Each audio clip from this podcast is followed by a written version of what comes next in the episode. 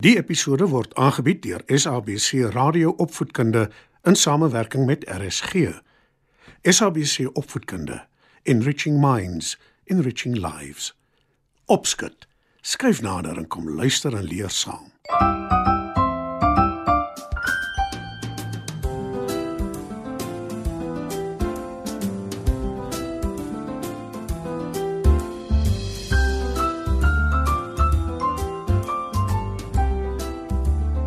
Goeienaand maats.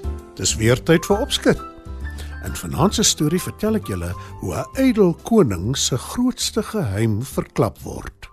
Skyf gerus nader en dan val ons sommer dadelik weg met ons storie.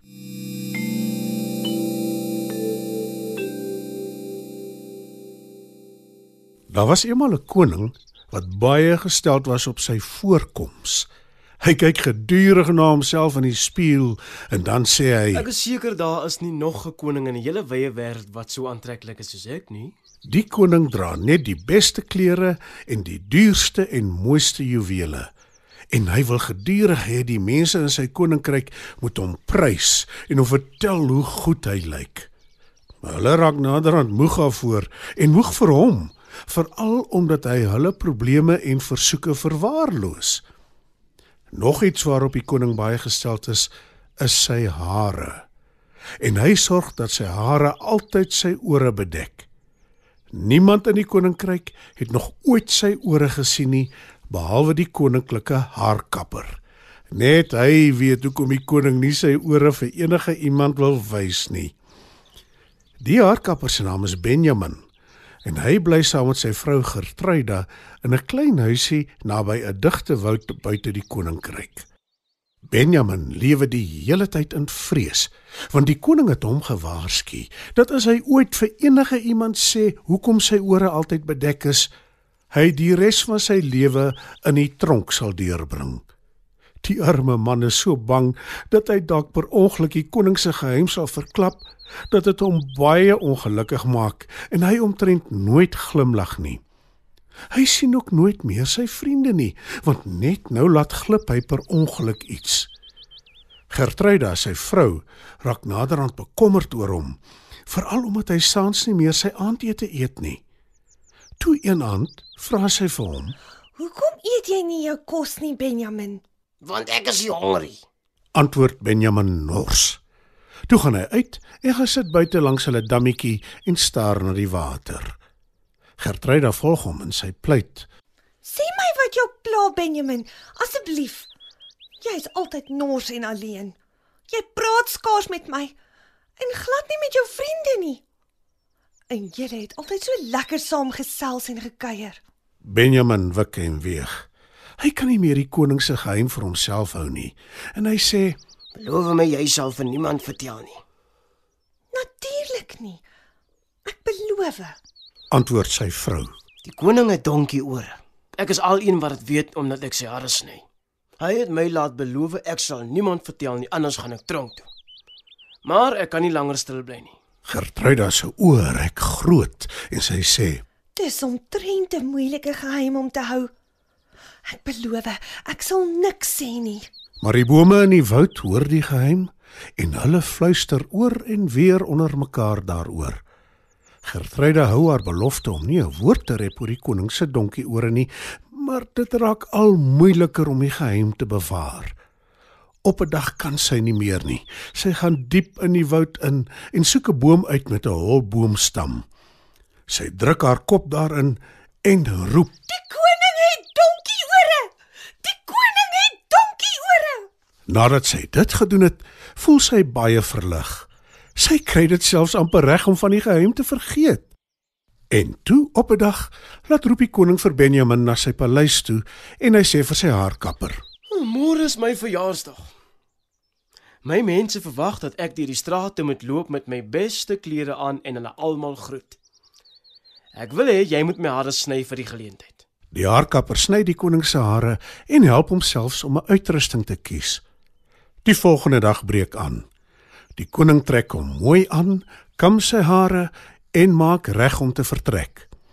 Al langs die strate staan daar mense met tromme reg om te begin speel wanneer die koning en sy gevolg deur die strate begin loop. Die groot oomblik breek aan.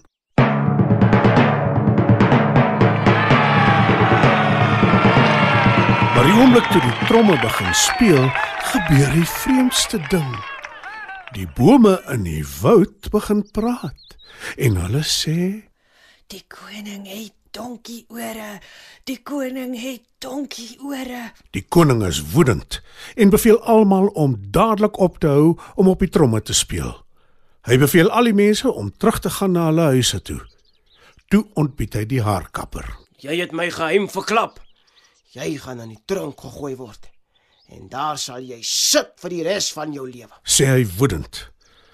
Arme Benjamin probeer verduidelik dat hy net vir sy vrou gesê het en dat sy vir niemand anders vertel het nie, maar die koning steur hom nie daaraan nie. Smyt hom in die tronk. Beveel hy sy soldate. Maar toe kom een van sy wyse ou raadgewers na vore en sê: Moenie die haarkapper straf nie, u majesteit. Die waarheid het uiteindelik uitgekom. En niks kan ooit die waarheid verander nie. Al straf u die persoon wat dit vertel het. My voorstel is: wees 'n wyse en regverdige koning. En al u volgelinge sal u daarvoor respekteer en lief hê. Die koning dink 'n oomblik na oor die wyse woorde. Hy weet die raadgewer is reg. En eintlik is hy verlig dat almal nou sy geheim ken. Benjamin kan huis toe gaan. En die koning steek nooit weer sy donkie ore weg nie, want hy weet nou dat as hy 'n goeie koning is, dit glad nie saak maak hoe sy ore lyk nie. En al sy volgelinge respekteer hom daarvoor. Soos wat die wyse raadgewer voorspel het, en hulle is lief vir hom.